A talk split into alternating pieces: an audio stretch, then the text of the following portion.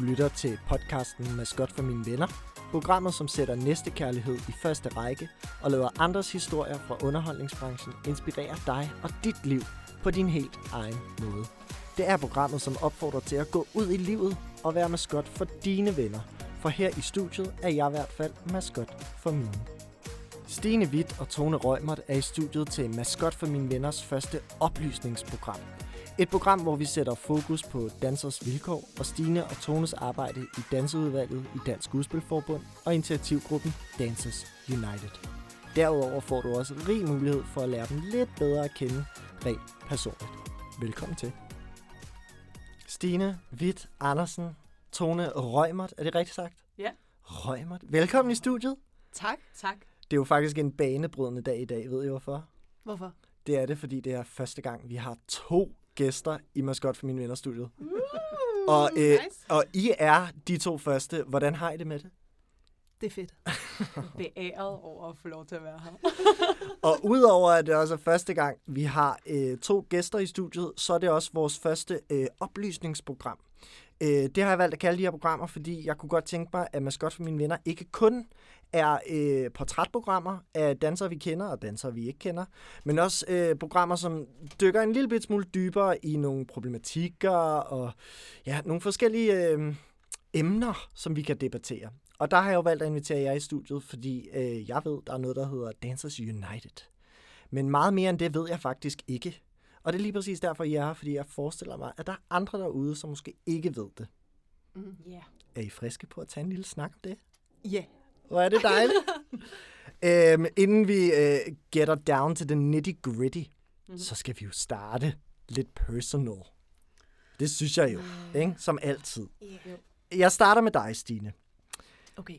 Jeg har jo kendt dig i mange år. Vi har også arbejdet sammen flere gange ude på Cirkusrevyen og også i Aarhus, hvor vi lavede Rocky Horror sammen. Men hvordan startede danseeventyret for dig? Jeg ved, du er fra Jylland. Ja. Ja, Ja. men fortæl, fortæl lidt. Jamen, øhm, altså jeg tog min allerførste øh, rigtige sådan dansetime med øhm, Kim Ace, som er koreograf nu, øhm, i Vejle Hey. på øh, et dansestudie, der hedder DQ. Og det var også der, jeg sådan, ja, startede med at danse i en alder af 17, tror jeg, jeg var. Ja. Øhm, og det tog bare fart. Jeg havde fundet den passion, jeg godt kunne lide, og den havde jeg lidt længe efter, så jeg gik bare amok og tog en masse, masse timer. Og så efter, øhm, hvad var det? det var efter gymnasiet, så øh, tog jeg en masse workshops på det, der engang hed The Hip Drop, som desværre ikke er her længere. Malmø. Mm, Malmø, Mm, Malmø hey, også nogle gange i København. Sverige. Mm-hmm. øhm, så gik jeg på højskole øh, på Ollerup, hvor jeg var så heldig at have en koreograf, der hed Sofie Christiansen, Yeah. som havde danselinjen, og hun var bare mega sej og lærte mig også vanvittigt mange ting. Og så efter højskole, så skulle jeg prøve det der LA, og tog mange måneder til LA og bare trænede selv. Og jeg tog sådan frem og tilbage, indtil jeg til sidst skulle på dansuddannelsen øh, ved Sargårdbro. Øhm, Og nu er Ja. du her. og nu er jeg her. Og Hvor, hvor gammel? Øh, altså, hvor gammel er jeg i dag? Ja, det ved jeg godt. Det spørger man ikke normalt en kvinde om. Men, kvinde om. men, men må jeg må ikke. godt. Men så siger jeg, jeg er fra 1991. Okay, I så er der lidt hovedregning derude til folket. Ah, PS, jeg fylder rundt i år. Uh. Så kan I jo tykke lidt på den. Så kan I tykke lidt på det. Og Tone, vi har også kendt hinanden i mange år, men Ja. vi har ikke sådan arbejdet sammen endnu. Nej. Vi har 7, 9, misset 13. hinanden. Vi har misset hinanden, men forhåbentlig er der noget i vente i fremtiden. Det håber jeg. Øh, dans og dig, er det også sådan en, øh, du startede med noget, og så udviklede det sig, eller var du bare sådan en Altså, helt lille pige, der blev sendt til jazzballet, eller hvad? Øh, Det er faktisk ret, øh, ret tæt på. jeg øh, jeg øh, er vokset op i sådan en kunstnerfamilie med en far, der er musiker, og en mor, der er skuespiller. Så der har bare altid været musik i hjemmet. Så jeg dansede fra øh, jeg kunne gå nærmest. Og selv da jeg sad på røven og bare ikke kunne andet, så sad jeg også og dansede.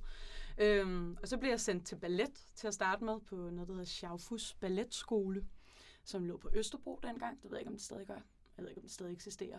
Øh, og det, det var godt, men jeg kedede mig.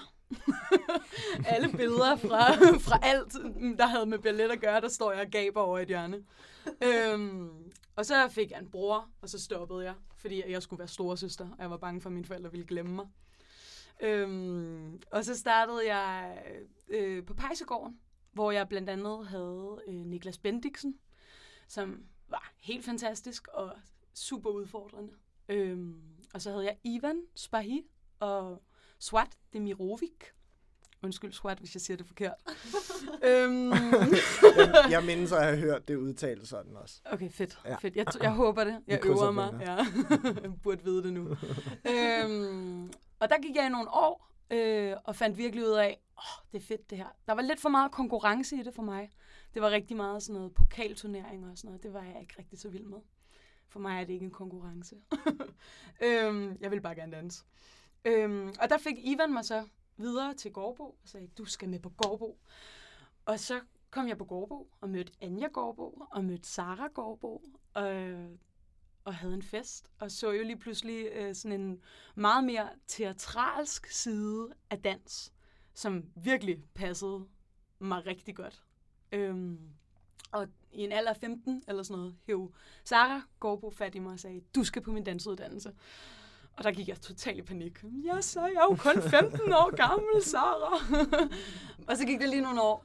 Og så flyttede jeg til Paris, fordi jeg fik øh, lyst til at bryde ud af skallen. Jeg har altid været lidt sådan, jeg skal prøve noget nyt og udfordre mig selv. Og Paris var, var der, hvor jeg skulle hen, kunne jeg mærke. Og der var ikke noget dansk jantelov. Og så boede jeg i Paris et halvt år.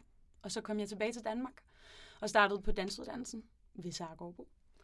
Øhm, ja, og så er jeg her i dag. Så sådan rimelig all-round faktisk begge to, og der ja. er noget LA herover på Stines mm. side, og noget Paris hos dig. Føler I, altså begge to, hvis vi starter med dig, Stine, hvad, hvad, hvad synes du, bare sådan helt kort, hvad kan udlandet, hvad har det givet dig kontra al den træning, du har haft herhjemme? Uh, jamen jeg tror, altså udlandet kan bare noget andet. Jeg ved ikke, øh, det er jo også rækkefølgen. Altså hvis jeg var startet i udlandet, så havde Danmark jo helt vildt meget at byde. Øh, men nu var jeg jo, nu startede jeg jo i Danmark, fordi det her jeg er fra. og så giver det mening på en eller anden måde, eller det gjorde det i hvert fald for mig, og så bryde ud og sige, nu skal jeg prøve at opleve noget helt andet. Men det var også, skal lige siges, min første tur til LA, der, det, det var ikke helt lige så overrendt af danskere på det tidspunkt, og jeg kendte heller ikke nogen af de andre danskere, der var der. Så det var også lidt en dannelsesrejse for mig. Det var første gang, jeg var ude fuldstændig på egne ben på den måde i så mange måneder. Øhm, kendte overhovedet ikke dem, jeg skulle bo ved. Jeg synes faktisk, det var en lille bitte smule nervepirrende, da jeg kom fra lufthavnen og sådan noget. Så det, det, det rummede også meget andet end det. Ja. Men jeg har også valgt at tage tilbage to gange for at tage øh, Dana Foglia-kurset øh, der. Øhm, uh, det jeg... har vi haft mange gæster nu efterhånden, der ja. har kæmpet sig ud i det. Ja. Der har du simpelthen også været. Der har jeg også været, og, og det, det er jo også noget med, at de har bare en anden, de har en helt anden måde, end vi har i Danmark. Øhm, og jeg synes, det supplerer bare hinanden helt vildt godt. Så er der jo også bare virkelig mange dansere i udlandet. Og det hjælper også lidt, når community det bliver større, så er der ofte flere timer, der er ligesom et lidt større push, der er lidt en anden stil måske, som også kan udfordre rigtig meget. Øhm, ja, så jeg synes, der er mange ting udlandet, det godt kan. Hvad siger du? Du har været i Paris. Jeg forestiller mig, jeg har, nu har jeg ikke været så meget i, dansescenen i Paris. Øhm, det er faktisk en ting, jeg også lige kan skrive mig bag øret. Det kan ja. vi måske tage en 2,0'er, når ja, vi skal lave endnu et program og snakke lidt om det. Ja. For jeg har også selv kun været enormt meget i LA. Ja. Øh, og det, det kan jo også rigtig mange ting, Absolut. og en meget specifik ting, hvor, mm. men jeg forestiller mig, at Paris er noget helt andet. Det synes jeg. Både fra LA, men, men også fra København måske, eller hvad? Der er en, øh, jeg, jeg tror, jeg tog til Paris, fordi jeg havde brug for at, at, flygte lidt fra, øh, fra øh, de gængse bokse, der var her. Jamen, jeg havde brug for at gøre min egen ting. Øhm, og have, have et pusterum, hvor jeg ligesom følte, at jeg kunne udvikle mig. Øhm, fordi jeg heller ikke følte mig særlig anerkendt herhjemme, i forhold til, hvor længe jeg havde været i gang, og hvor, hvor lidt jeg, jeg fik, eller øh, kunne få.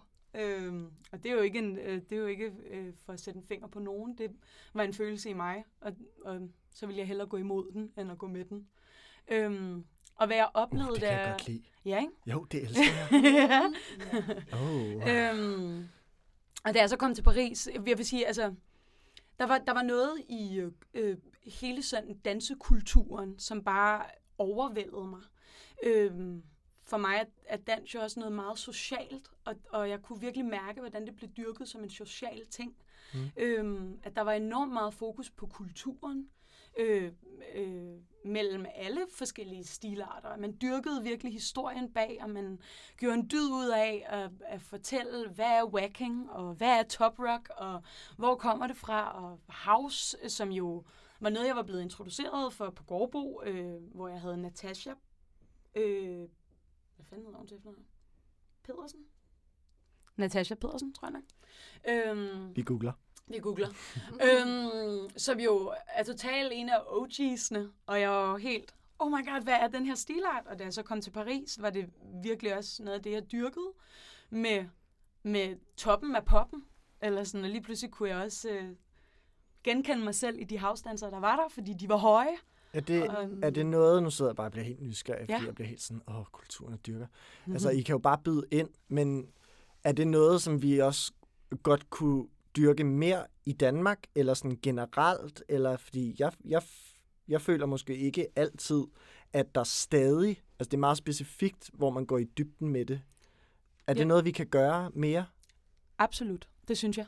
Øh, jeg. Jeg ved, at der er sindssygt mange dansere i Danmark, der dyrker kulturen og virkelig respekterer øh, baglandet.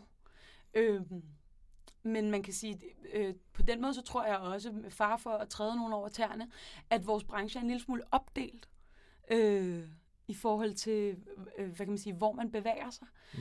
Jeg, jeg tror ikke, at der er nogen, der mener noget dårligt. Eller jeg tror, alle gerne vil informeres. Jeg synes altså, at når man går ind og er underviser, er det enormt vigtigt, at man kender til, til den genre, man underviser i, og respekterer, hvad det er, og hvad den kommer af, og, øh, ja, og alle aspekter af det. Øhm, jeg tror måske bare, det er mere udbredt, eller det var, hvad jeg oplevede i hvert fald, især i Paris, at, at det var nogle meget fagkyndige lærere, man kom ind til. Ikke, at det ikke er det her, men at det var måske også mere konkret. Så gik du ind og tog en top rock team, eller så gik du ind og tog en crump team, og så var der, altså, og, den, og det var halvanden time altid hvis ikke mere end det. Mm. Øh, så der var enormt meget, sådan det hele det historiske aspekt fyldte enormt meget. Mm. Øh, og det blev lidt preach på den helt fede måde. ja. Øhm, jamen, så det var, det var befriende. For mig var det virkelig... Øh, øh, jeg voksede. Altså, øh, 30 meter. Jeg er rigtig høj nu. Så altså sådan, ja, det var virkelig, øh, det var sundt. Det var, ja, det satte perspektiv på tingene. Stine, du er jo også, øh, i hvert fald i min optik, hvis der sidder folk derude, som ikke kender dig, men i min optik, og det er jo en rigtig god ting, er du jo også en danser, som øh, er virkelig en nørd. Forstå mig korrekt. Jeg kan men godt lide nørdet. du, du nørder jo virkelig øh, ikke bare dansk generelt, men også dit eget materiale. Ja. Altså, du bruger, jeg kender nærmest ikke nogen, der bruger mere tid på at forberede og være sådan, hvorfor gør min krop sådan her? Giver det mening, at min krop gør sådan her? Kan jeg gøre det større? Kan jeg gøre det mindre? Hvad vil kvaliteten være ved at gøre det større eller mindre? At det, det virker ofte som om, der ikke er en ende til tingene, fordi det, er sådan, det, det skal nørdes. Er der en ende for tingene for dig, eller får du også noget, noget ud af ligesom at nørde det så meget? Ja, men jeg får simpelthen så meget ud af at nørde det. Hvorfor? Øhm, altså, jeg tror, det er mange ting. Øh, dels, hvis jeg skal starte med det lidt negative, så skal jeg nogle gange lære at slippe det. Altså, jeg skal lære, at det ikke behøver at være perfekt. Øhm, jeg nørder det jo også som regel enormt meget, fordi jeg skal undervise det. Så jeg går helt vildt meget op i. Jeg er måske ikke helt dygtig nok til at tale baggrund, eller tale kultur, eller sådan på den måde i mine timer. Til gengæld så nørder jeg helt vildt meget, at jeg vil så gerne have, at eleverne forstår, hvad det er, jeg gerne vil med min trin. Og jeg vil så gerne have, at de forstår det i deres kroppe. Så når jeg laver et eller andet vild, en eller anden vild mærkelig bevægelse, der føles super akavet, at jeg så virkelig kan fortælle dem ned til mindste detalje. Hvis det strækker i den her muskel, og det føles vildt underligt i foden, så gør du det helt rigtigt. det synes jeg bare er så fedt. Men, men så tror jeg også, at jeg sætter rigtig meget pris på, når andre kommer ind og er forberedte på den måde. Øhm, og det giver, mig, det giver mig en kæmpe respekt for, når der er virkelig en grund til, at I har valgt at, at lave lige præcis det her. Og så synes jeg bare, at det bliver meget sjovere. Det, det bliver meget mere udfordrende, også for mig selv. Og så har jeg jo også muligheden for, jeg ser som regel, nej, jeg ser altid faktisk, no lie. Øh, jeg ser altid mit materiale på nogen, jeg, jeg kalder ind i mit studie.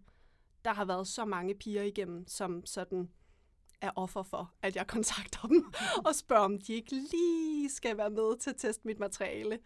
Øhm, og, og det er bare det fedeste. Det er det fedeste nogensinde, fordi så kan jeg se, hvad det er, jeg synes, der virker på en anden krop end min. Og så synes jeg også bare, at det der nørderi, det gør, at jeg kan se, hvornår er det på en eller anden måde, at jeg fejler som underviser, altså på en god måde, hvornår fejler jeg som underviser, og hvornår er det, at det her trin, det virker bare ikke. Mm. Øhm, og det lyder så det lyder så sådan religiøst på en eller anden måde, men det er også noget, jeg gør for mig selv. Jeg føler mig så tryg, når jeg har nørdet det, og jeg føler mig så utryg, hvis det bare er sådan, om det kommer bare lige fra hoften. Og det Mhm. betyder ikke, at jeg synes, at alle andre skal gøre det ligesom mig overhovedet. Nå, men, det er jo det, der, uh, det er jo også det, der er den interessante del af den her snak. Og man får helt lyst til, at det her program bare skal fortsætte i den her dur. Men det er jo det, der er så interessant, fordi vi kan snakke kultur, hvad det vigtige er ved Ja. det, og hvad det er, man benefitter for det. Vi kan også snakke om nørdmaterialet, og sådan, jeg sidder sådan her åben mund og polypper, gør, og hører dig sige de der ting, og jeg er sådan, okay, men nogle gange så sidder jeg i 5C på bagrækken i bussen og laver en Britney choreo, fordi det er det, der fungerer allerbedst for mig, når jeg hører en sang, og det rammer mig der. Og sådan, åh, men, men måske, hvad vil det give mig, hvis jeg også nogle gange faktisk nørdede tingene helt vildt meget? Mm. Og ja, jeg synes bare, jeg synes bare det er så spændende. Jamen, Ja, det, det ja. er det også. Det er det også. Mega spændende. Ja. Det er derfor, det er så godt, du har lavet den her podcast. Men det er dejligt, Ja, og jeg håber også jeg derude, altså. at I øh, føler det spændende, og I er på en eller anden måde også kender Stine og Tone sådan lidt mere personligt og dansemæssigt lidt mere Mm. Efter den her snak. Jeg vil jo gerne blive ved i det her, øh, lad os kalde det, personhyggehjørnet. Ja. øh, men jeg synes bare også, at vi skal simpelthen tage hul på hele den her snak omkring Dancers United. Fordi vi har jo snakket lidt på forhånd og prøvet at være sådan, mm, hvordan kan vi på en eller anden måde øh, simplificere det og gøre det lidt nemmere for folk at forstå. Så lad os kaste os ud i det. Absolut. Yes. Øh, noget af det første, jeg tænker, det er sådan, øh, okay, Dancers United, det er der. Jeg ved, I øh, er en del af det og øh, arbejder hårdt, øh, næsten nærmest dagligt, øh, for øh, hvad helt præcist? Det kunne jeg godt tænke mig at spørge om nu. Men øh, Tone, hvis jeg starter med dig. Ja. Hvordan startede det her arbejde, og sådan, hvorfor er det, at lige at I blev nogle af de førende kræfter? Der tror jeg, at til at starte med er det vigtigt at nævne, at der jo faktisk er tale om sådan øh, helt generelt to forbund, eller to, nej ikke forbund, to udvalg. Vi har øh, dansudvalget, som er the OG-udvalget, som har eksisteret længe, og man kan sige, at er, øh, er jo forgangsmændene. De har, altså, de har kæmpet for dansers vilkår i så mange år. Og der sidder en masse fede mennesker, som har siddet der rigtig længe. Øh, Swat Mirovic har blandt andet været en del af det rigtig længe. Øhm, og man kan sige, det er jo øhm, det er, et, det er et udvalg, der er under Dansk Skuespillerforbund, og som, er, som består af medlemmer af forbundet, som er udøvende dansere eller koreografer. Øhm, og på den måde kan man jo sige, at det er også et udvalg, der har mest fokus på forbundets medlemmer. Øhm, men de har formand øh, Michael, og han hedder mere end Michael. Michael Orozco. Ja, Michael Orozco. Madsen. Orozco. Ja. Og så er det Laura Karlslund, som faktisk er det nyeste medlem. Øh, og Swat Demirovic, som vi har snakket om et par gange før allerede. Søren Linding Urup, Birgitte Lundtoft, og så Stine og jeg. Mm. Øhm, og Stine og jeg blev en del, nogenlunde samtidig meldte vi os begge to ind i, i forbundet. Øh, jeg taler næsten på vegne af os begge to, når jeg siger, at vi jo bare måske begge to havde brug for at, at føle, at vi havde styr på, hvad fanden vi lavede.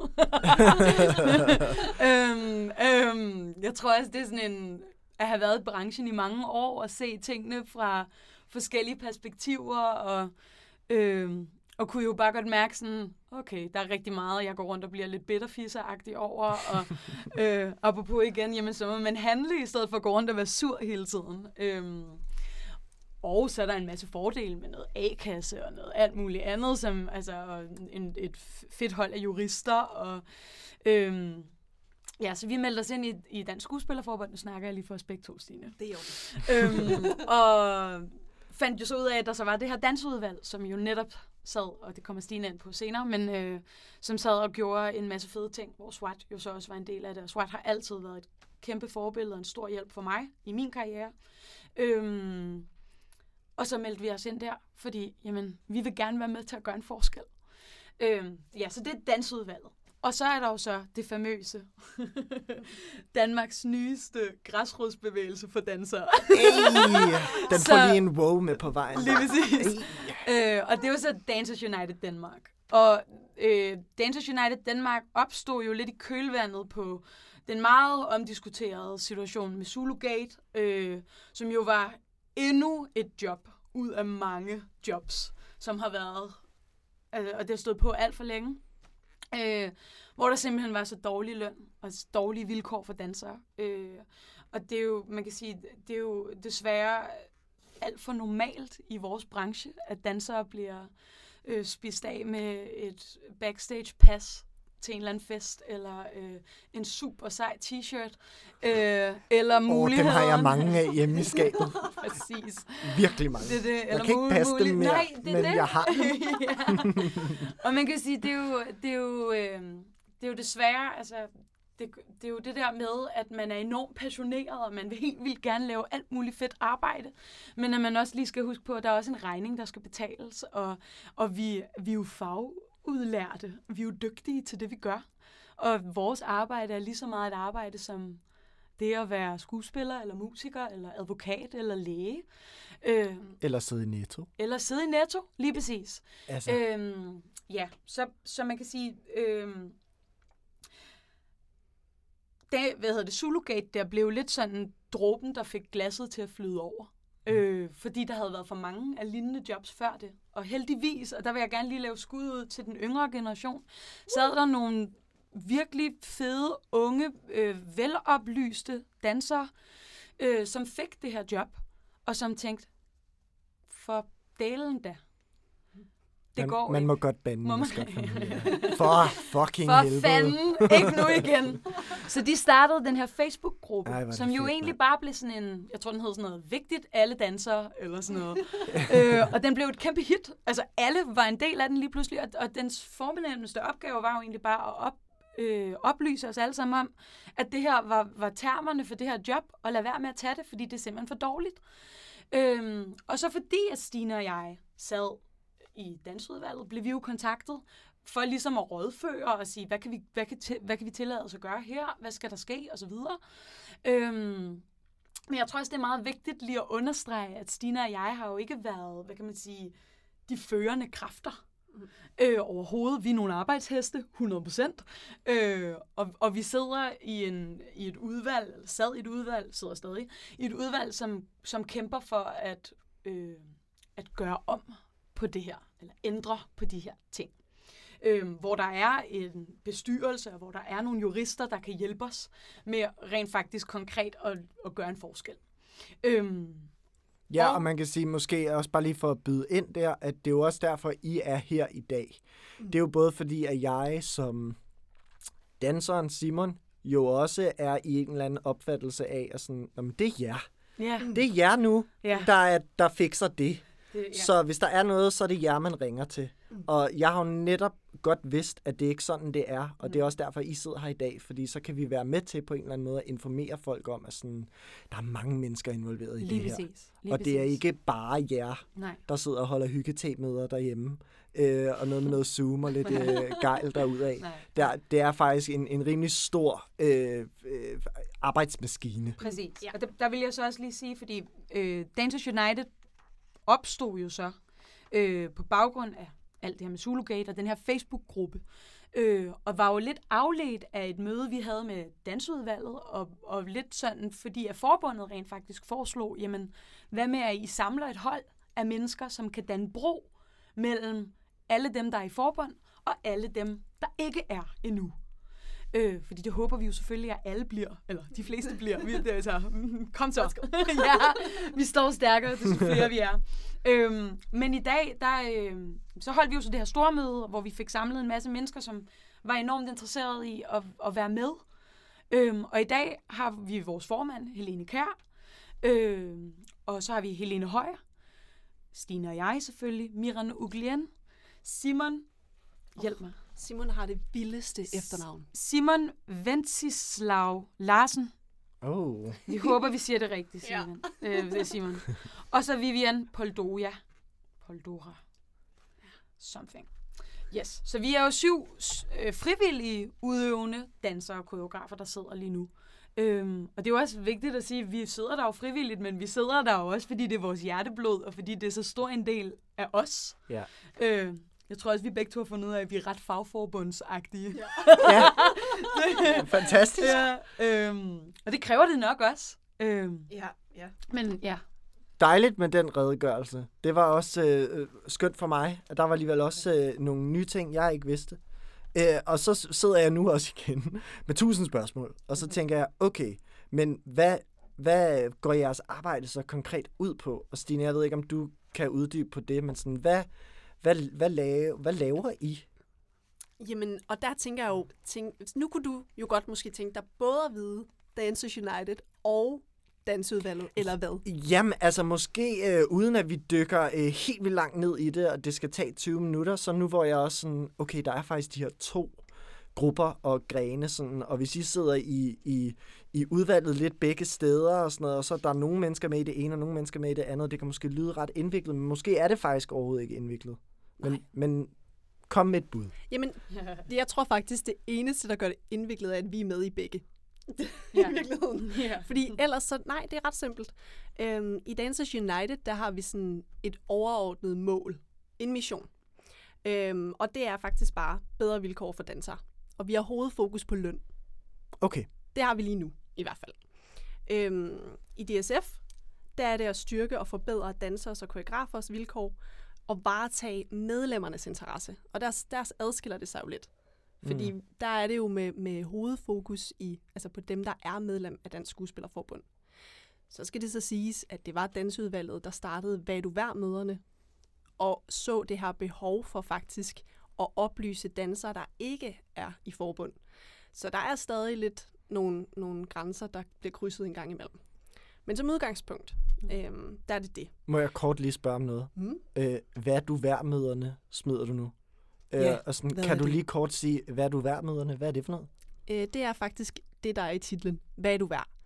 Jeg, jeg, jeg forestiller mig, nu var vi jo ikke med, da det startede, skal lige siges. Det var jo nogle, øh, nogle andre fra vores dansudvalg, der har startet alt det her op, fordi de så et behov for, at de nye dansere, eller de nye generationer af dansere, øh, blev mere opmærksomme på, hvad de egentlig kunne kræve, hvornår de skulle have hvad i løn, hvilke vilkår man ikke behøver at acceptere, eller hvornår man gerne må spørge ind.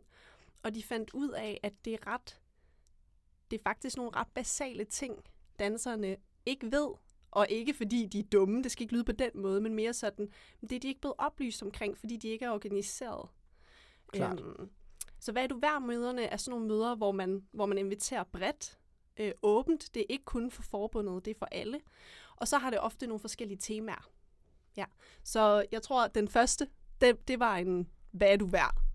Alle mulige facts på bordet. Bare lønmæssigt eksempler på, hvad, hvad kan du kræve i hvilke situationer. Mm. Og så er det efterfølgende haft nogle temaer.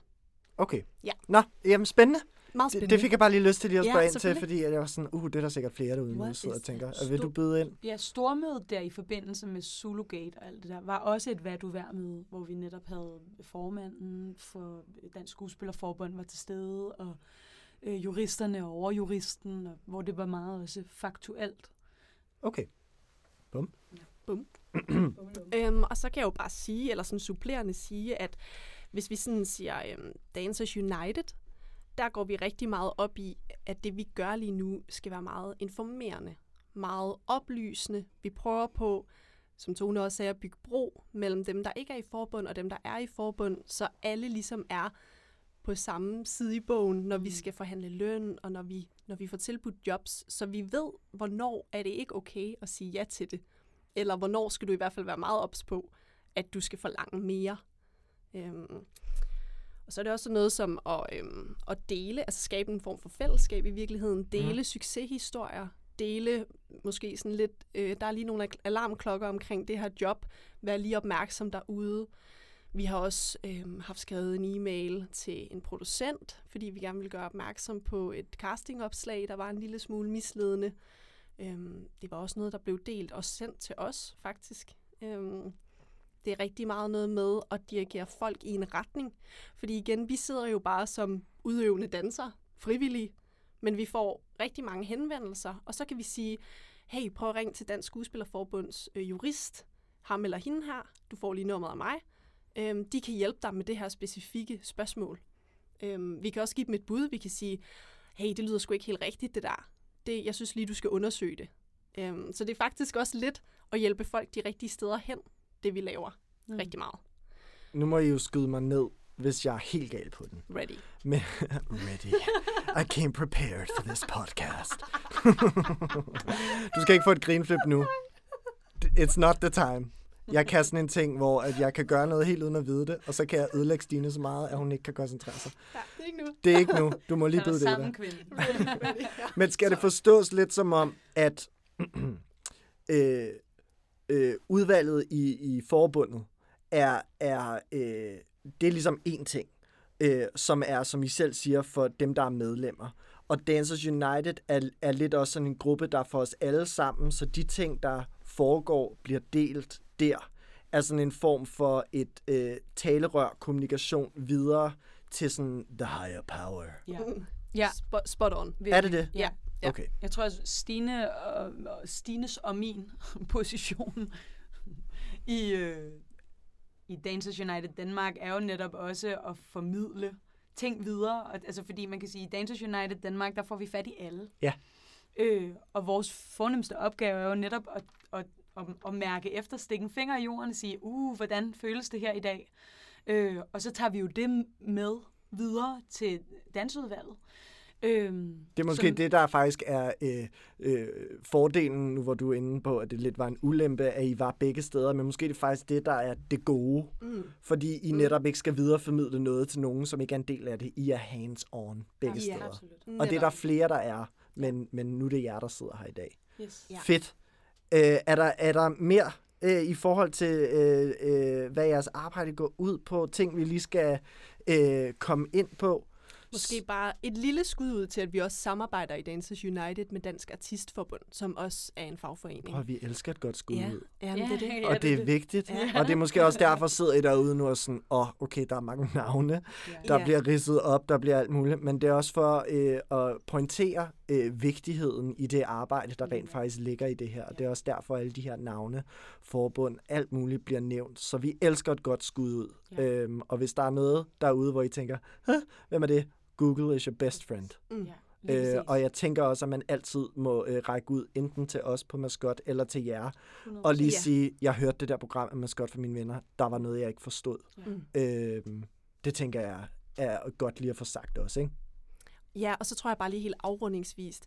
Vi laver, noget, vi laver en masse forskellige og anderledes ting, har jeg lyst til at sige, i dansudvalget. Men jeg tror også, det der er mest spændende lige nu, det er bare lige, hvad vi laver i Dancers United. Mhm. Mm. Øhm, så det er bare lige for at sige, det er, ikke, det er ikke de samme ting, vi sidder og laver i dansudvalget, som det, jeg lige har ridset op. Der er der en masse andre ting, men det er ikke fordi, jeg, jeg tænker, vi har fat i det vigtigste ved at forklare DUD's arbejde. Det er jo det af Dancers United Danmark. Tak. Allerede der sad jeg og var Ja. sådan her. Denmark of Dynamite. og prøvede selv at skabe hoved og hale i det.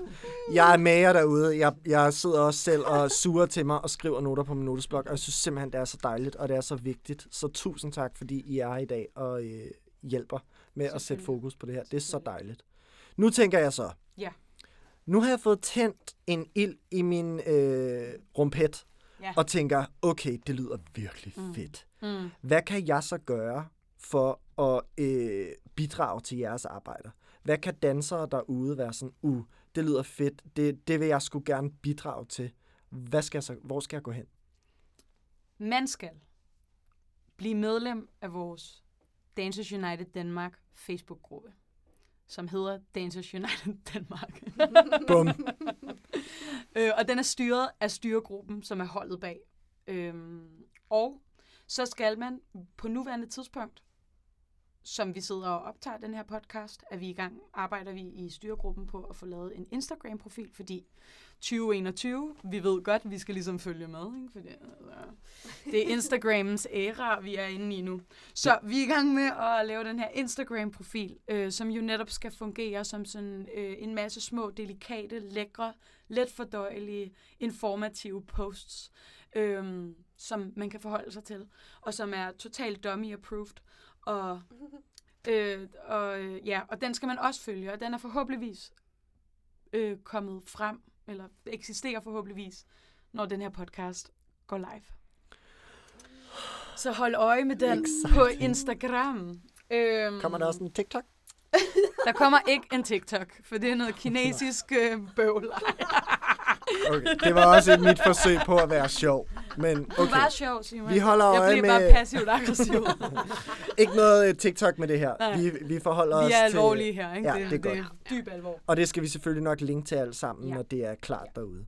Hvad man så ellers kan gøre, er, at man kan holde sig opdateret, gå i dialog med folk, spørge ind, sørge for, at man ved, hvad ens tariffer er, sørge for, at man ikke underbyder hinanden.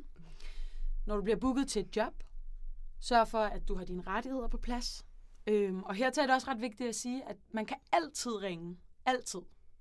Fed streg under altid. Ringe til juristerne inde øh, hos Dansk Skuespillerforbund. Også selvom man ikke er medlem hvis man har spørgsmål, eller brug for vejledning eller rådgivning til noget. Og de er så imødekommende og så hjælpsomme, og det er derfor, de er der.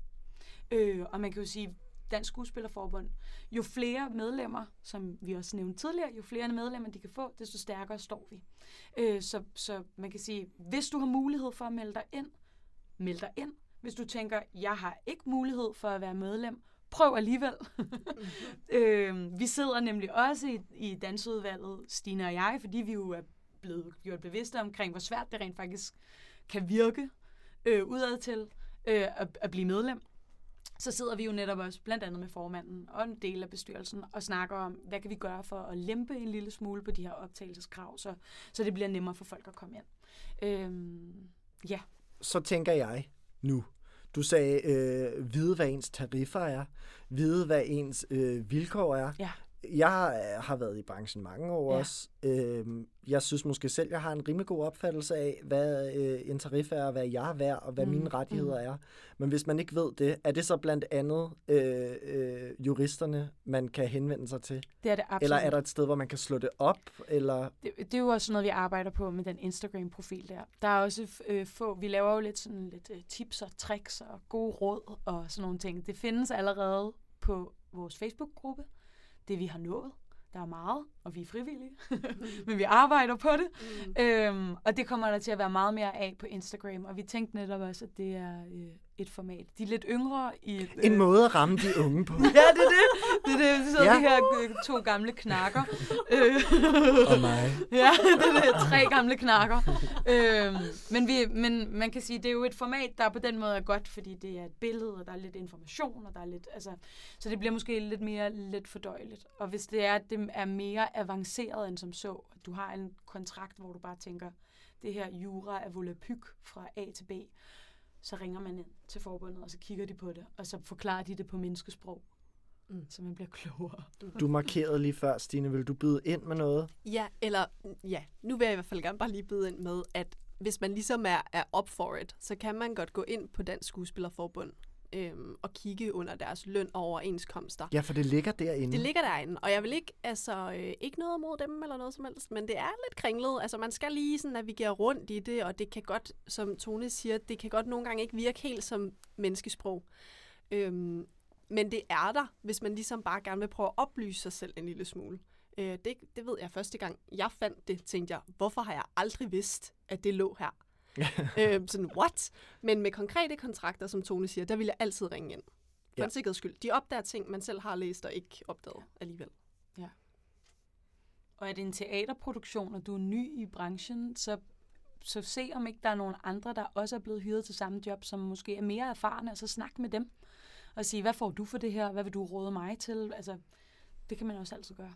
Det er meget godt at, at organisere sig, eller samle sig, og have lidt uh, solidaritet der. Jamen, hvor er det Ja. godt. Ja. Og selv jeg glæder mig også til den Instagram. Ja, fedt. Hashtag ung med de unge. Ja. Øhm, Stine, Ja. det her øh, udvalg, øh, Facebook-gruppe, Instagram, øh, nu var I måske lidt inde på sådan på sigt, det ender ud i en Instagram og sådan øh, bedre forhold for os alle sammen. Men Tone var også inde på i starten, sådan, der har været rigtig mange episoder, både før øh, Zulugate-episoden, men også nu efterfølgende stadig, som sker, og som man hører om, og som også lidt florerer inde på Facebook-gruppen allerede. Der bliver delt nogle opslag, hvor man lige skal slå alarmklokkerne ud. Hvad bliver det næste step i forhold til måske at undgå lignende situationer? En ting er oplysning, men jeg forestiller mig måske også konkret for jeres arbejde, at der er, der er, der er mere end Instagram-kontoen bag, eller hvad? Egentlig så er det bare en måde at nå, nå længere ud. Øhm, fordi i virkeligheden så føles det lidt, når man sidder øh, behind the scenes, at det, der, det vi mangler mest er oplysning. Helt klart.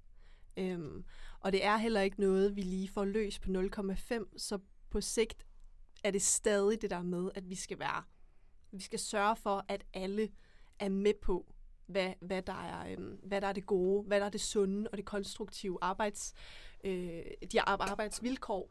Øhm, fordi man kan sige, hvis de bliver ved, arbejdsgiverne, lad os sige, de bliver ved med at, at opføre sig lidt ignorante og, og bare vælge at, at tilbyde nogle rigtig dårlige kontrakter. Flere t-shirts. Ja, flere t-shirts, flere billetter til efterfesten. Øhm, så, så hjælper, eller så kan de i hvert fald ikke få nogen dansere, hvis alle er oplyste, og alle tager ansvar, og alle siger, ved du hvad, nej tak. Jeg vil, jeg vil egentlig gerne bare, bare have penge, som jeg kan betale min husleje med. Det kunne være super fedt, så jeg ikke også behøver at stå nede i tøjbutikken, eller ja. lege barista i min, i min ja, hverdag. Ja. Øhm, så, så det er helt klart sådan øh, første prioritet, oplysning. Øhm, ja, og så, så tror jeg også, altså vi har det som dansevalg, danseudvalgsregi øh, i Dansk Skuespillerforbund, har vi også snakket med juristerne om kaffeaftaler med, øh, med diverse producenter, så vi ligesom også får oplyst dem. Fordi nogle af dem virker også til, at de reelt ikke kender til det her problem. De er ikke klar over, at de faktisk tilbyder professionelle dansere enormt dårlig løn. Jamen, man kan jo sige, hvis det er normal, de er vant til, og der ja. ikke er nogen, der siger dem imod, så bliver der måske heller ikke gjort noget. Netop, netop. Øhm, og jeg tror især er det vigtigt for os at gøre, så de ikke kan sige, hov, det vidste vi ikke. Nå, men det har vi jo haft en kaffesnak om. Så det ved I godt. Så kan vi lidt bedre holde dem op på det også. Øhm, så det er sådan oplysning, oplysning, oplysning. Og så synes jeg jo faktisk, på trods af at Zulugate var, var uheldig, så var det jo også en vild fed oplevelse i virkeligheden, fordi at man så, hvordan det lykkedes, når danserne står sammen. Mm-hmm. Øhm, og vi får skabt den der, det der fællesskab, hvor vi bare er enige om, det her det går ikke. Det er nødt til at være anderledes. Mm. Øhm, så vi skal blive ved med at tale sammen. Vi skal blive ved med at oplyse os selv. Og når så det kommer til the final round, så skal vi også tage ansvaret og turde sige nej tak.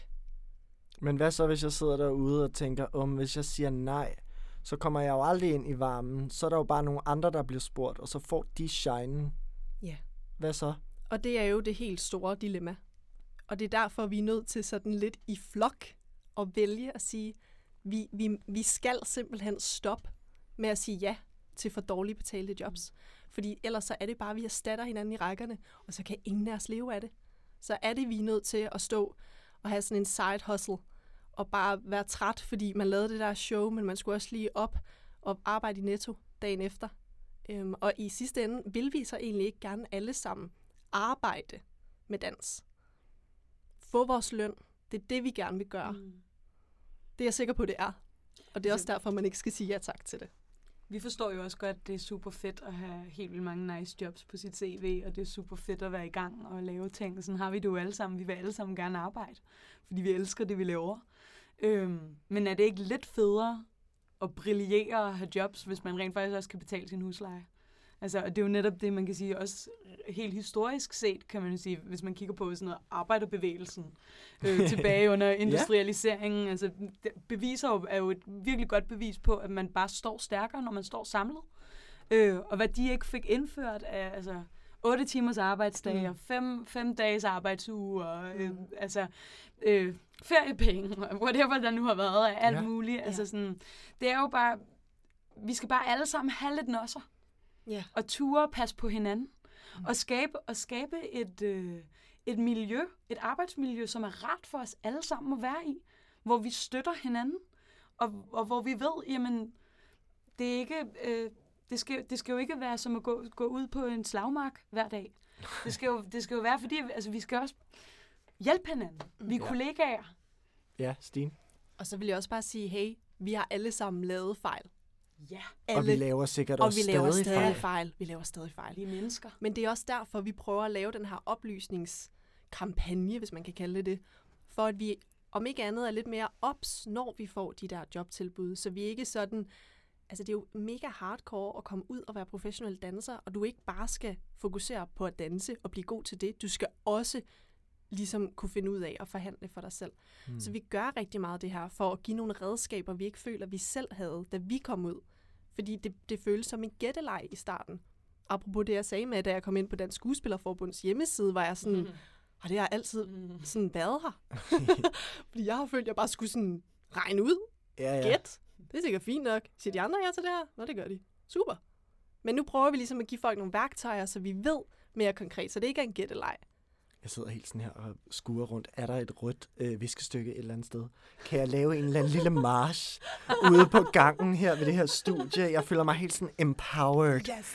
Revolution. Jamen virkelig. Og det håber jeg, at der er flere derude af jer, der, der begynder at føle, fordi vi er, vi er der alle sammen. Og Mm. vi har været der, og mange af jer i den yngre generation.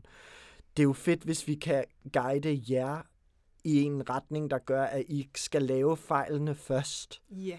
men at I på en eller anden måde øh, træder mere varsomt Mm. øh, og føler, at I har nogen i ryggen. Og det synes jeg er mega inspirerende. Jeg er vildt taknemmelig for det arbejde, I gør. Og det håber jeg, at der er flere derude, der, øh, der føler, det ved jeg, der er. Men jeg har brug for at sige det højt. Fordi Maskot for mine venner er jo programmet, der øh, taler øh, historierne op, taler hinanden op, øh, men nu også oplyser. Ja. Ding dong! Det er så dejligt. Ej, tusind tak. Det er, øh, det er sådan helt... Åh, det giver helt, helt kriller. Og nu sidder jeg jo og har kriller, og så tænker jeg, har I ikke også selv kriller? Altså, og det, jeg har ladet det være åbent til fortolkning for jer begge to, fordi altså, nu ved jeg personligt, at I også kender hinanden. Øhm, sådan jer imellem rent personligt. Men, men hvad giver det jer personligt at, at lave det her arbejde? Altså, det, må jo, som I siger, I er frivillige. I, Mm. I bruger oceaner af tid på det her, Mm. når I ikke danser, træner, arbejder øh, med dans. Altså sådan, hvad får I ud af det? Jamen, øh, øh, man kan sige, vi spiser jo også af kagen i sidste ende. Eller, altså, det arbejde, vi lægger i det, er jo ikke bare for andre. Det er jo også for os selv. Så man kan sige, vi, vi, øh, vi spæder bare til i den store pulje, øh, som, som forhåbentligvis øh, gør noget godt for os alle sammen. Øh, så jeg tror også, det er det der med at kunne... Ej, hvor er der mange metaforer i mit hoved lige nu. Men Jeg elsker en god, jeg elsker en god metafor. Kom med det. Let that metaphor hit, at, honey. at, at vi kan bade os lidt i, i, i, sol, i sollyset. Ja. Altså, at det er jo... Øhm, øh, det er jo, det er jo, ja, det er hårdt arbejde, men det, men det føles også godt, fordi når succesen rammer, så rammer den jo. Og, Mm. Altså, jeg kan personligt mærke, at, at, øh, øh, at det gør en forskel, for eksempel, at jeg rigtig ofte, øh, efter vi har påbegyndt det her stykke arbejde, og, og efter at Dancers United er opstået, at der har jeg kunne mærke, at jeg, jeg starter et andet sted ofte, når jeg går i lønforhandling. Øh, eller hvis jeg siger, prøv at høre, vi dansker, dansere, danskere, vi danske dansere, dansere i Danmark, øh, er i gang med at organisere os, og der foregår det her og det her og det her. Der er mange, der allerede godt ved det. Øh, fordi det, er, det har været på Christiansborg. Det har været i politikken. Det har været på P1. Øhm, der er rigtig mange journalister, der er øh, informeret omkring det her. Benjamin Bo, som er formand for Dansk Skuespillerforbund, er gået enormt, øh, tak Benjamin, men er virkelig øh, øh, determined og passioneret omkring at gå ind i det her arbejde også. Mm. Så folk er begyndt at snakke Ja. om det. Mm. Øhm, og det gør også, at der er jo rigtig mange, der gerne vil undgå en lignende situation. Så når et produktionsselskab tager kontakt, og man nævner, hey, by the way, 200 kroner en luder og en lommetyv er ikke nok for det her job. Mm. Jeg har brug for løn. Så, så er de ret hurtige til at sige, selvfølgelig, hvordan i måde kommer vi det. Mm. Øh, og det er jo en, en succeshistorie. Altså Mm. selvfølgelig, er, selvfølgelig er der en masse øh, bag, vi stadig skal have arbejdet og så, rundt om. Men, men man kan sige, bare det, at der er to ud af ti situationer, hvor det er bedre, er jo noget. Mm. Øhm, Ja. Og det synes jeg er en kæmpe gave. Ja. Altså, og, og for mig er det en kæmpe gave at bevæge mig rundt i et miljø med en masse kollegaer, hvor, hvor jeg føler, at vi har hinanden, og passer på hinanden, og støtter hinanden, og er mas- maskotter for hinanden. Ja, og, tak. ja. Ja, Øhm, og det synes jeg er det vigtigste. Det Ja. skal være rart at gå på arbejde også. Mm. Det skal ikke føles som en battlefield. Nej, nej, netop. Ja. Stine. Jamen, jeg tror også for mig, der er det rigtig meget den der følelse af at stå sammen.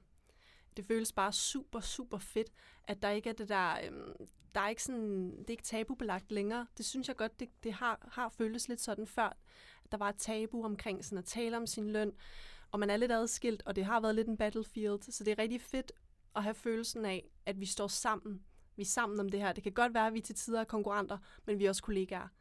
Øhm, så fællesskabsfølelsen er virkelig essentiel for mig. Og så er det virkelig også øhm, det er fedt for mig at have den der følelse af at gribe i egen barm mm. og være en aktiv del af det, jeg er utilfreds med.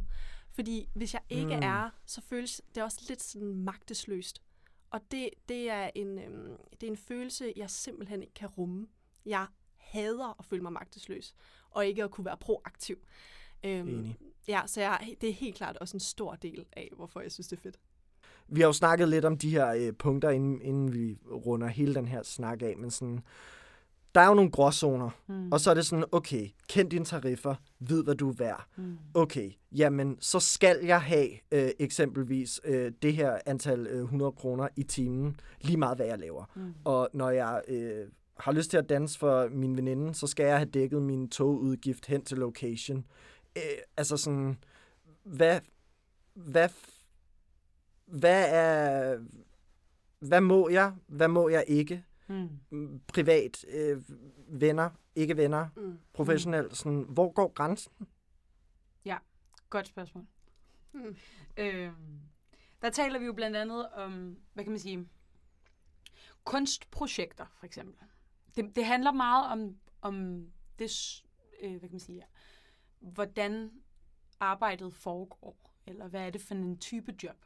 Hvis, det, hvis I er en masse kreative mennesker, der går sammen om at lave et kunstprojekt af en eller anden art. En Kunne det være en konceptvideo, for det kunne være en konceptvideo. Okay. ja. Lige præcis. 100%. Det kunne også være noget, der skal fremføres til Friday Night Sharing. Mm-hmm. Øhm, så længe der ikke er nogen, der får løn, så skal, der ikke, så skal du ikke lønnes for det, du laver. Fordi så er det, så er det øh, af interesse. Øh, fordi I alle sammen er kreative sammen og skaber noget. Øh, lige så snart der er en profe... Altså, hvad kan man sige? Lige så snart der er, en, der er nogen, der får løn, så skal alle aflønnes. Og skal, sådan- skal de også lønnes det samme? Øh, nej. Ikke Nej? nødvendigvis. Okay. Altså, det afhænger af din arbejdsopgave. Okay. Hvor meget du skal arbejde, og så videre, og så videre. Jeg spørger kun, fordi jeg tænker, at det er jo noget, man også har hørt førhen, hvor det er sådan, okay, mm. Jamen hvis vi medvirker i den her video som danser, så skal vi øh, alle sammen have det her. Så er der måske nogen, der også har koreograferet en del, og nogen, der ikke har noget, og så får de så lidt mere, eller det gør de ikke, eller altså, hvordan afgør man det? Der bliver det lidt mere baseret på ancienitet eller sådan nogle ting. Altså, der er vi jo ikke så kooperative, Nej. at det er sådan, vi skærer lige på over midten-agtigt. Øh, men det er jo ofte, altså koreografen får mere, fordi koreografen producerer øh, trinnet, eller Mm. trinene, som skal bruges. Øh, og så kan man sige, øh, så der, ja, deres engangsbeløb er måske højere, deres studiehonorar, som er for, for, for det, der bliver produceret. Mm. Men man kan sige, danserne, nu det danser, vi snakker om, danserne får jo så, kan jo, hvis det er en tv-produktion, for eksempel en musikvideo, whatever, så, øh, reklamefilm, så er der jo også øh, buyout, øh, som jo så er for eksempel en reklamefilm, x antal år på hvilke platforme, så er der en procentdel ekstra af studiehonoraret, der lægges, lægges ovenpå i det. Mm. Mm. Og det er alt sammen enormt øh, firkantet, og, øh, og øh, det tager lang tid at forklare, men ja, så der er, stå, der er mange variabler i forhold til, Mm. mm. hvordan man bliver aflønnet. Ja. Øh, ja, og så, Og så, der... ja, nu så får jeg lidt lyst til at sige sådan det der, okay, hvis jeg så nu er ven med nogen, mm. og jeg gerne vil lave noget for... Hvis jeg gerne vil lave noget for dig, Stine. Du sagde tidligere i den her video, at sådan... Øh, video, det her podcast, mm. at du har mange øh, øh, øh, piger inde til at prøve dit materiale og afprøve det. Hvis jeg, hvis jeg nu skulle være øh, en dreng, der skulle ind og prøve dit materiale, fordi du skulle lave en video, og øh, det var et kunstprojekt, og øh, jeg skulle være med, og sådan hvad som, altså er der noget sådan form for sådan gensidig øh, øh, markedsføring, eller sådan, skal man sætte det an på en specifik måde, eller hvad, hvad tænker du omkring det? Jamen, det er jo enormt svært, øhm, og jeg tror heller ikke, at der er bare et rigtigt svar til det. Øhm, jeg tror først og fremmest, når jeg for eksempel inviterer nogen til at komme og prøve mit materiale, så skal de vurdere, om de har lyst. Mm. Basically. Vurdere, om du har lyst. Ja, mm. Det er ikke, fordi jeg får løn for at stå her og gøre det, men det er noget materiale, jeg gerne vil bruge til et eller andet, potentielt. Så synes jeg, det er noget andet, hvis man lige pludselig... Jeg har også ofte taget, øh, taget nogen med mig ud for at undervise.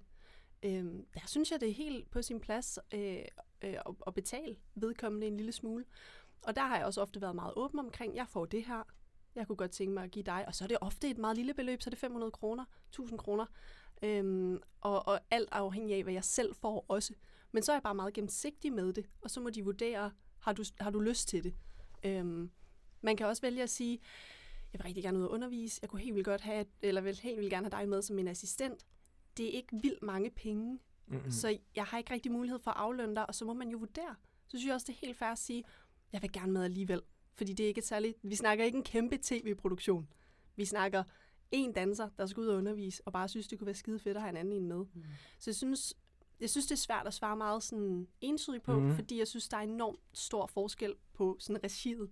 Og vi tænker jo rigtig meget på de situationer, hvor man for eksempel bliver spurgt, om man ikke godt lige kunne være med i en musikvideo, som mm. sådan en baggrundsdans, og så får du bare en øh, øl og nogle popcorn. Ja, og så har du måske materialet, ja. altså, ja, og så har du nogle klip det. til din reel. Ja, ja, eller, det, Eller det. har du ikke lyst til at være vores model til denne her reklame øh, for, for det her toy brand? Altså, mm. hvor det jo også, hvor vi jo netop snakker om, så bevæger vi os over i noget, der hedder co-branding, hvor det jo netop er, er du med til, eller hjælper I hinanden med at brande hinanden? Eller brander du branded. ja. ja, og det er måske det, jeg mener med mit mm. spørgsmål, mm, hvor det er sådan, uh, hvor går grænsen? Ja, og, Altså, fordi det er jo en gråzone. Det er Hvordan, absolut. Altså sådan, det er, er, det, er jeg okay med at reklamere for det her upcoming tøjmærke, hvis jeg får tøjet? Har jeg det okay med det, mm. fordi jeg også brander mig selv ved det? Ja. Eller skal jeg kræve løn for den opgave, mm. fordi at vi også sidder og snakker tariffer og hvad du er værd og sådan noget? Altså, det, det kan sgu være svært at navigere i, kunne jeg forestille mig. Og, en, ja. og en platform som især Instagram, og for den sags skyld også, altså alt SoMe er jo virkelig, især her under corona, blevet benyttet meget mm. til at brande øh, forskellige mærker og så videre og så videre. Der er enormt mange reklamer, som foregår der nu. Og det, og det er jo også en gråzone, fordi det er ikke noget, man har kendt til i samme grad. Mm. Der findes ikke lige så stærke tariffer til det. Det er noget, vi sidder og udarbejder nu hos øh, Dansk Skuespillerforbund faktisk. Men, men det der med, Nå, men det er jo fedt, og så får du også noget content, du kan lægge op på din egen profil. Hvor det er sådan, den går ikke, Marker. Mm-hmm. Fordi jeg er med til at reklamere for jer. Øhm, og, der er jo, og man kan sige, det er jo, det er jo, øh, det er jo også lidt, øh, jeg tror, at øh, der er mange øh, firmaer, der har set en fordel i det. Fordi mm. vi er enormt uvidende alle sammen omkring, Nå, okay, hvad betyder det, når jeg så er på Instagram? Eller Ja, ja og, og, og som udgangspunkt, så tror jeg også, der er mange af os, der er sådan, ej, så får jeg lige fem par nye sko, det skulle da meget fedt. Ja, ja Eller det, det kunne jeg da egentlig så godt Så sparer jeg gå ud og købe dem. Ja, ja. Og butikkerne er lukket alligevel, så ja, jeg kan ikke få nogle sko, så, så dem kan jeg bare få. Ja, se fucking fly Så kan jeg bare se mega fresh ud, altså hvorfor ikke? Men jeg vil også sige, at vi snakkede, vi, Tone og jeg har faktisk haft et møde med nogle af juristerne inde på Dansk Skuespillerforbund om det her, hvor, hvor en af dem også sagde, jamen helt grundlæggende, så skal I faktisk strege alle de sjove formuleringer, formuleringer ud, og så skal I kalde det reklame. Mm. Så I er helt med på, det er reklame. Så hvis du siger ja til at få en t-shirt, så, og det er en reklame, du laver for et firma, så kan du jo allerede godt regne ud, at det, det er ret lidt. Øhm, men den er ek- ekstremt spændende, den der øh, ja, co-branding-snak. Øhm, fordi hvis du, hvis du markedsfører noget, og de også markedsfører dig på lige vilkår, lad os sige, det er en kunstner, der gerne vil have, at du bruger eller, eller gerne vil have, at du gør noget til vedkommende sang, danser til den. Hvis vedkommende så også ligesom lægger, lægger den video op på sin profil og siger, hey, tjek den her fede danser ud, jamen er det så, øh, sådan, er det så måske Mm. ligevægtigt? Det er det måske. Så det er sådan lidt, det er en kæmpe, kæmpe gråzone. Jamen, og det er måske også det, kunne jeg forestille mig. Jeg har også selv svært ved det nogle gange. Mm. Og, og at det er derfor, det lidt stadig er et tabu mm. at snakke om, og man kan være bange for at række ud og bede om vejledning og hjælp, fordi altså, måske har man faktisk reelt lyst til at lave et eller andet for fire par sko. Mm. Mm. Men man er bange for at øh, spørge om vejledning og hjælp nogle steder, fordi man er bange for at blive sat i bås som hende der eller ham der, Mm. der gjorde noget. Og så er, kender vi jo også alle sammen, og ved vi, at tonen online er sindssygt hård. Ja. Så hård. Øhm, og, og man kan måske hurtigt godt se et eller andet øh, skrækscenarie, Mm. hvor man bliver øh, øh, hvad hedder sådan noget, lidt slut-shamed, eller sat Mm. til side, og der bliver taget et screenshot af det her, og så bliver man hængt ud. Altså, hvad fanden skal man gøre i sådan en situation? Mm. Altså, jeg, jeg har vildt svært ved Ja. at, at vide, hvordan jeg lige skulle håndtere det. Mm. Først og fremmest, lad os alle sammen lige blive enige om, at der sidder nogen på den anden side af skærmen, så bare skriv ordentligt. Tal pænt. Fordi det kunne være fedt, man ikke behøver at være bange for, at der kommer nogle øh, Ja, grimme ja, kommentarer. Det er frygteligt. Det er frygteligt. Mm. Øhm, når det så er sagt, så kan man jo skrive ind til Dancers United Danmark, altså styregruppen, privat, hvis det føles lidt sådan intimiderende at skulle lægge det op offentligt. Øhm, derudover så vil jeg faktisk gerne sige, at jeg selv har oplevet øh, at blive tilbudt et koreografjob. Øhm, det var for, øh, for Ramachan, det er. Øhm, jeg ville helt vildt gerne lave det, og jeg var rigtig meget i tvivl, om lønnen var sådan i orden, acceptabel. Og der ringede jeg ind til forbundet og sagde, helt ærligt som det var, jeg har fået tilbudt det her, jeg er helt vildt meget i tvivl, om det sådan underminerer det noget, er det okay? Jeg vil virkelig gerne lave det, fordi jeg får ikke mange tilbud som koreograf, men jeg er vildt interesseret i at koreografere. Øhm, hvad tænker I? Og så vejledte de mig også med de briller på. Hun vil helt vildt gerne lave det. Det er en ret low budget produktion.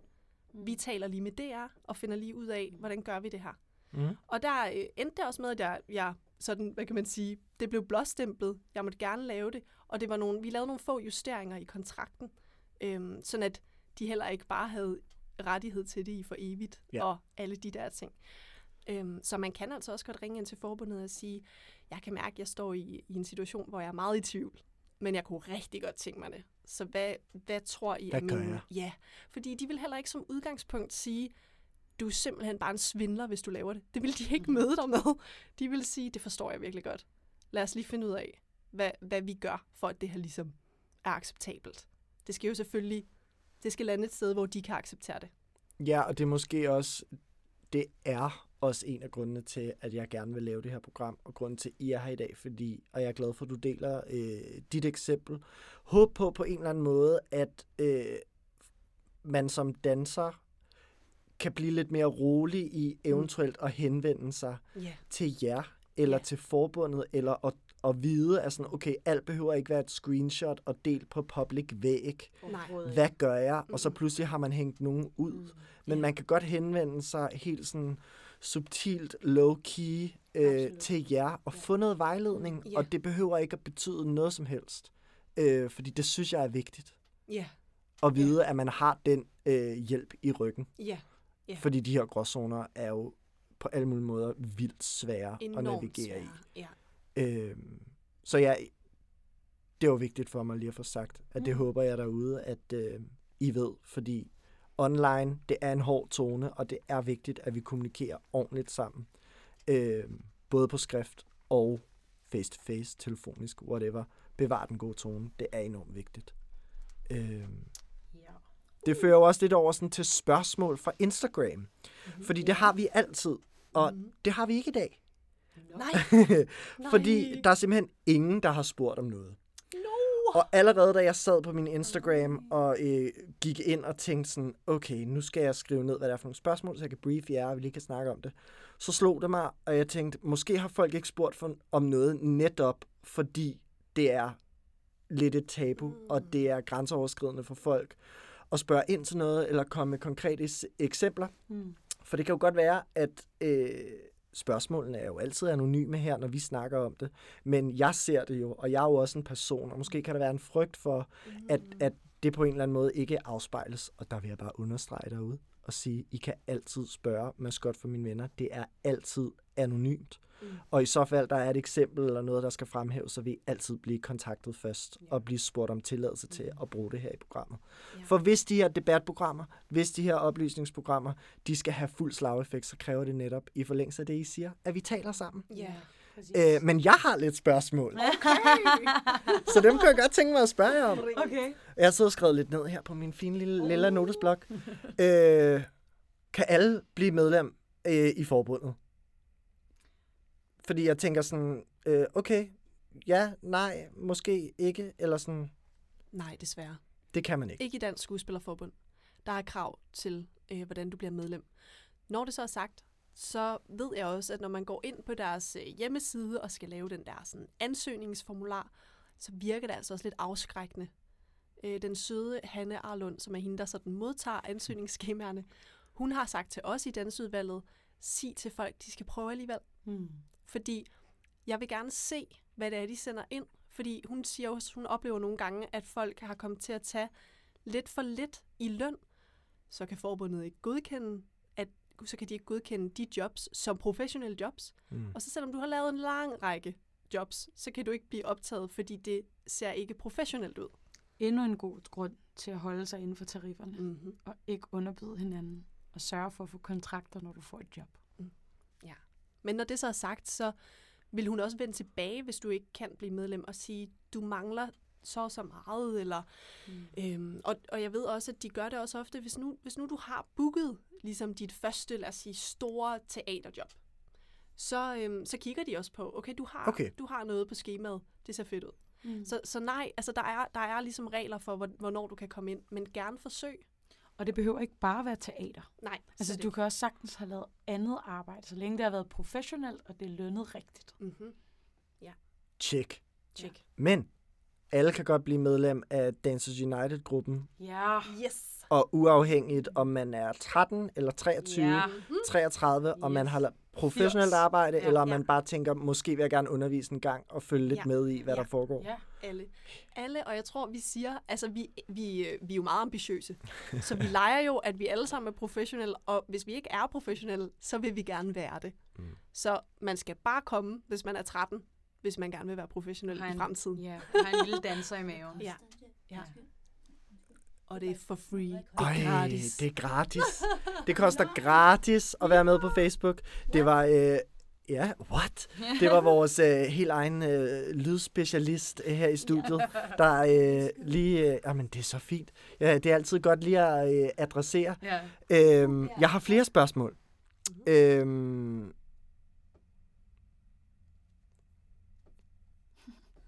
den kommer lige om lidt. øhm,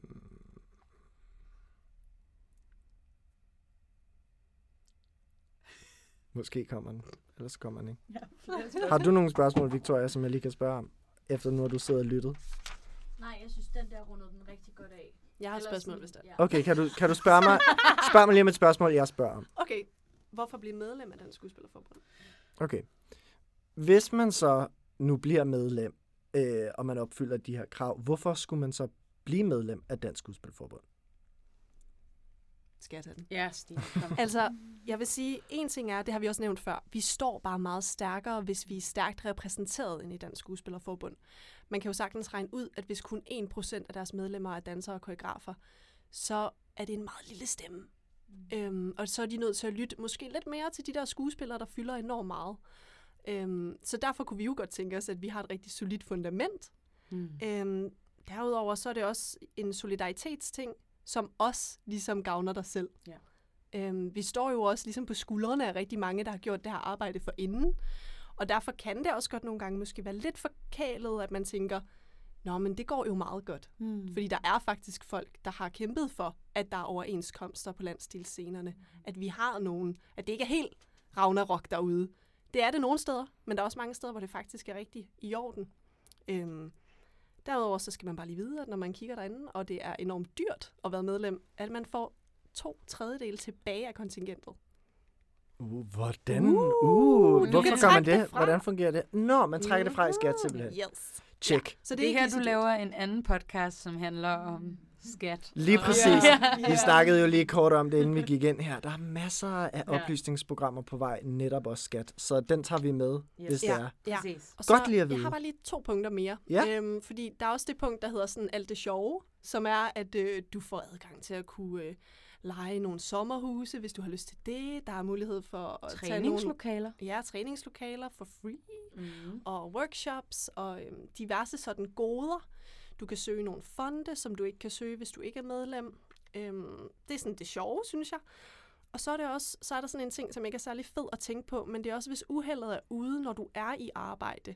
Og der snakker jeg, at det kan være alt lige fra MeToo til jeg brækkede mit ben, til en uoverensstemmelse i forhold til en arbejdsgang. What do I know? Så kan du altså også tage fat i dit fagforbund. Og det er jo sådan en ting, det er svært, fordi det er hypotetisk, og man tænker, jeg kommer aldrig til skade, eller alt er altid godt for mig, men Ja, ja. indtil den dag, det ikke er, og så var det bare lidt fedt, at man allerede havde et fagforbund, som kunne, som kunne støtte en. Nogle jurister, der kunne sige, Nå, men det, det har din arbejdsplads ansvaret for. Øhm. Så det er, det er To bare lige gode sådan, ting lige at få med. Ja, ikke? absolut. Ikke? Jamen, øh, det tror jeg egentlig lige var de øh, spørgsmål, jeg havde her på Mm. falderæbet. Fedt. Øhm, og så fik jeg lige en mega god idé. Ja. At nu hvor vi lige har haft snakket sådan her om, at man jo altid kan spørge, det er et safe space, og vi skal læne os op af hinanden, så tænker jeg, at vi efterfølgende, at det her podcast er kommet ud, podcast, øh, er kommet ud, at vi laver en eller anden form for øh, spørgerunde. Ja. øh, hvor vi kan samle jeres spørgsmål ind, og så øh, kan vi, I og jeg i samarbejde øh, få svaret på spørgsmålene og sende det ud via vores Instagram, som så måske bliver repostet på jeres øh, Instagram, Ja. whatever, når det er oppe. Øh, og så får vi kørt det derover. Det tænker jeg vil være en kampgod idé, fordi jeg håber da, at der er nogen derude, der har nogle spørgsmål efter at have hørt det her. Ja. Fordi det er... Øh, det kan godt være lidt kringlet. Ellers har vi fandme gjort vores arbejde godt. Ja, det synes jeg. Jeg var helt... Det synes jeg. Jamen, prøv at, vi sidder jo tre mennesker og kampsveder inde i det her studie, fordi vi er sådan her, uh, vi skal huske at sige alt det her. Meget ihærdig, ja. Øh, for at runde af Ja. på sådan en ikke så øh, øh, tung, øh, øh, teoretisk måde, så øh, min personlige ting, jeres personlige ting, den skal vi jo ind på. Mm. Fordi det er sådan et øh, elsket element, måske mest af mig. øh, men øh, hvis vi starter med dig, Stine. Oh, Hvad har okay. du med af en, en personlig ting? Det er jeg meget spændt på. Ja, men der, der vil jeg jo bare lige sige, at jeg bliver enormt nemt, enormt nemt knyttet til ting. altså sådan materielle sådan genstande. Uh. Øhm, så jeg har været hele vejen rundt i hele min lejlighed og været sådan, uh, det afsmykke, uh, den statue, ej, jeg kan også godt lide det der maleri. øhm, og jeg overvejede endda at tage en plante med.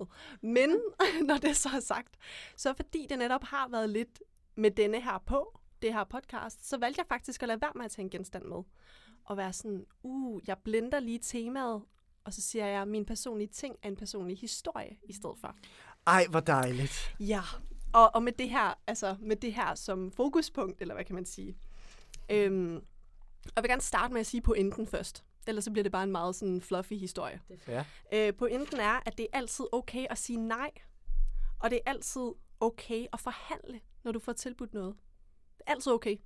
Jeg føler, at til hvad du værmøderne er vi rigtig tit stødt på, at der er en eller anden form for frygt i folk. Så det er virkelig vigtigt at understrege, du må altid gerne forhandle. Det er som udgangspunkt en forhandling. Mm. Øhm, og så vil jeg bare fortælle, at jeg selv har oplevet øhm, flere gange at forhandle i lang tid også. Øhm, og den specifikke historie, jeg gerne vil fortælle, er, er hvor jeg forhandlede med øh, en producent. Jeg blev tilbudt en musical. Det var en genopsætning. Jeg skulle overtage pladsen for en, som ikke skulle være med igen. Hun havde ageret som statist i den forestilling. Øhm, heldigvis vidste teateret ligesom fra starten, om vi kan ikke tilbyde Stine en statistløn, fordi vi har haft hende ansat før som professionel. Så de havde ligesom allerede, hvad kan man sige, oppet deres game, og havde tilbudt mig noget, der ligesom var professionelt. Jeg kunne bare stadig mærke, det er det laveste, jeg nogensinde er blevet tilbudt. Og det synes jeg ikke virker sådan helt... Jeg, jeg har ikke ro i maven omkring at sige ja til det. Så vi forhandlede frem og tilbage i, i de her enormt mange måneder, som måske også blev lidt længere, fordi der var en sommerferie. Øhm, vi havde en fantastisk dialog. Vi bød ind hver især. Hun rykkede lidt på noget, måske understreget, vi har allerede gået rigtig meget op i forhold til, hvad vi har budgetteret med. Jeg, jeg fremhævede, jeg er professionel, jeg har aldrig fået så lidt i løn før, så jeg vil gerne have lidt mere. Hun gav sig lidt. Jeg foreslog, at det kunne være alternativt, hvis de synes, det var svært at finde penge. Kunne det være yogaklasser, for dem vil jeg gerne tage alligevel. Kunne det være massage, kunne det være sangtimer. Bare for, at jeg kan føle mig tilfreds, og I måske kan finde et eller andet sted, hvor det giver mening for jer. at give mig det i stedet for penge. Hun vendte tilbage, hun, hun sagde, jeg vil gerne undersøge det, vi finder ud af det. Og på den måde, der øh, endte vi et helt vildt godt sted, hvor, vi, hvor jeg, jeg håber, at hun også er tilfreds. øh, det var, jeg, jeg følte ikke, jeg pressede citronen. Det er bestemt ikke mit bedst betalte job nogensinde, men jeg var rigtig glad for det, og jeg havde en ro i maven omkring, nu kan jeg godt gå ind til den her produktion, uden allerede fra start at være en lille smule sådan, I skal ikke sætte mig til særlig meget, fordi jeg får en dårlig løn. Jeg var totalt klar på, brug mig som ensemble. Jeg endte med at få en lille dansesolo, og det var bare det fedeste. Det var ikke sådan, hov, hov. Det, mm. det får jeg ikke nok til, at jeg skal. Det var mega fedt, øh, og det var konstruktivt, og på den måde er historien også meget antiklimatisk, fordi det endte helt vildt godt. Men jeg synes, vi mangler nogle af de der succeshistorier, fordi jeg har virkelig en følelse af, at folk nærmest er bange for at blive smidt på porten, hvis de bare spørger ind til, hvad lønnen er. Og der vil jeg sige, nej, du må altid gerne spørge ind til dine vilkår. Du må altid gerne forhandle. Jeg siger ikke, at vi bare skal sådan presse det op, bare for at presse det op. Du skal have en god mavefornemmelse, og du skal have en følelse af sådan, det her, det er, det er efter tarifferne. Det er efter, hvad jeg godt kunne tænke mig. Og øhm, hvis der er en arbejdsgiver, der faktisk vælger at sige, så gider vi ikke have dig alligevel, så tror jeg ikke, du har lyst til at arbejde det sted. Fordi det, hvis det er noget så tørt, som penge, de ikke kan snakke med dig om, så lyder det som nogle enormt ubehagelige mennesker at stå på scenen hos. True shit. Ja, true shit. Ja. Og det, jeg, jeg er bare rigtig glad for, at nu har jeg det jo Hvis I fantastisk føler, der har været vildt stille i studiet, så er det fordi Tone og jeg har begge to siddet sådan her. Nu har han, nu har han åben mund. Helt åben mund og Og øjne. en gang til. Fantastisk personlige ting at have med. Fedt. Og lige i dur med øh, temaet for i dag. Ja. Jeg føler mig endnu mere sådan, hvor er der et rødt viskestykke? Må Ej, ud og marchere. Nu! Tone, altså, øh, hvor, er, hvor er vi henne på skalaen hos dig? Jamen, det er jo bare øh, frøken Spirituella, der kommer ind her nu. Oh, det kan jeg også godt lide. altså, øh, jeg tror måske også, jeg er lidt materialist. Jeg har også en, en, en forvane at tilknytte mig enormt meget til ting. Denne her kuglepen. Det er min favorite. Ja, nej. øhm, jeg har simpelthen valgt at tage et mantra med, og jeg vælger ikke at kalde det et motto, fordi jeg føler, at et mantra er mere indadskuende, hvor et Mm. motto er lidt mere udadskuende. Øhm, og det her mantra er lidt sådan noget, øh, en, en sætning, jeg altid tager med mig, for ligesom at retfærdiggøre, hvorfor tingene er, som de nu engang er. øhm, og det er et mantra, jeg har fra min mor, som hedder, alt er, som det skal være, altid. Og for mig er det rigtig vigtigt at have det her med mig, fordi at dansebranchen er sådan en sammenligningskultur, hvor vi står og kæmper i citationstegn med hinanden og mod hinanden og vejer hinanden op imod hinanden og ej, så var jeg ikke en størrelse 36 eller ej, så var jeg ikke blondine eller ej, så var jeg ikke, og hvorfor er jeg ikke det? Og at man bare husker, at man er fantastisk, og det her spirituelle kommer ind, og jeg synes, at den er vigtig. Du er fantastisk, præcis som du er. Og der findes kun én i verden, der er lige præcis som du er. Så fordi du ikke får et job, det er ikke personligt. Det er fordi, du ikke passer ind i lige netop det job. Og det handler ikke om, at du ikke er dygtig nok, eller sød nok, eller sjov nok, eller flot nok. Du passede bare ikke ind. Øhm, og for mig har det været sindssygt vigtigt, når jeg er gået til auditions og har fået afslag på afslag på afslag, og har bare tænkt, fuck, jeg er dårlig, mand. uh, og, så, uh, og så skal jeg tilbage i træningssalen og op på hesten, og bare husk på, alt er som det skal være altid. Og der er en grund til, at du ikke fik det job. Det er fordi, der er noget andet, der venter på dig. Og det synes jeg bare er rigtig, rigtig vigtigt. Øhm, fordi vi dyrker os selv alt for let. Og vi værdiger os selv alt for let. Og vi er Ej. alt for dårlige maskotter for os selv. Ja, jamen det er, det er, øh, jeg elsker det. Det er også selv noget, jeg lever meget efter, og stadig kan have rigtig svært ved at huske på, når man står til den audition, eller når man får det afslag i sin inbox. Ja. Øh, så tak for den reminder. Virkelig gode ting, I havde med. Åh, det var godt. Virkelig. Selvom det ikke var Jeg sidder altid og venter på sådan et yndlingsviskelæder, eller et par yndlingsunderbukser, man altid har på til en audition eller et eller andet. Virkelig dejligt, og I dur med programmet. Tusind tak, fordi I øh, har lagt det her utrolig øh, dejligt, hårde, forberedende arbejde i det her program. Det har øh, betyder sindssygt meget for mig. Og jeg håber, der er flere derude, der øh, kommer til at værdsætte det lige så meget, som jeg gør. Jeg føler mig meget klogere. Yes, Tak fordi du ville se os, Ja, Simon. det var skønt. Altid kommer I tilbage. Ja. Ja. Juhu!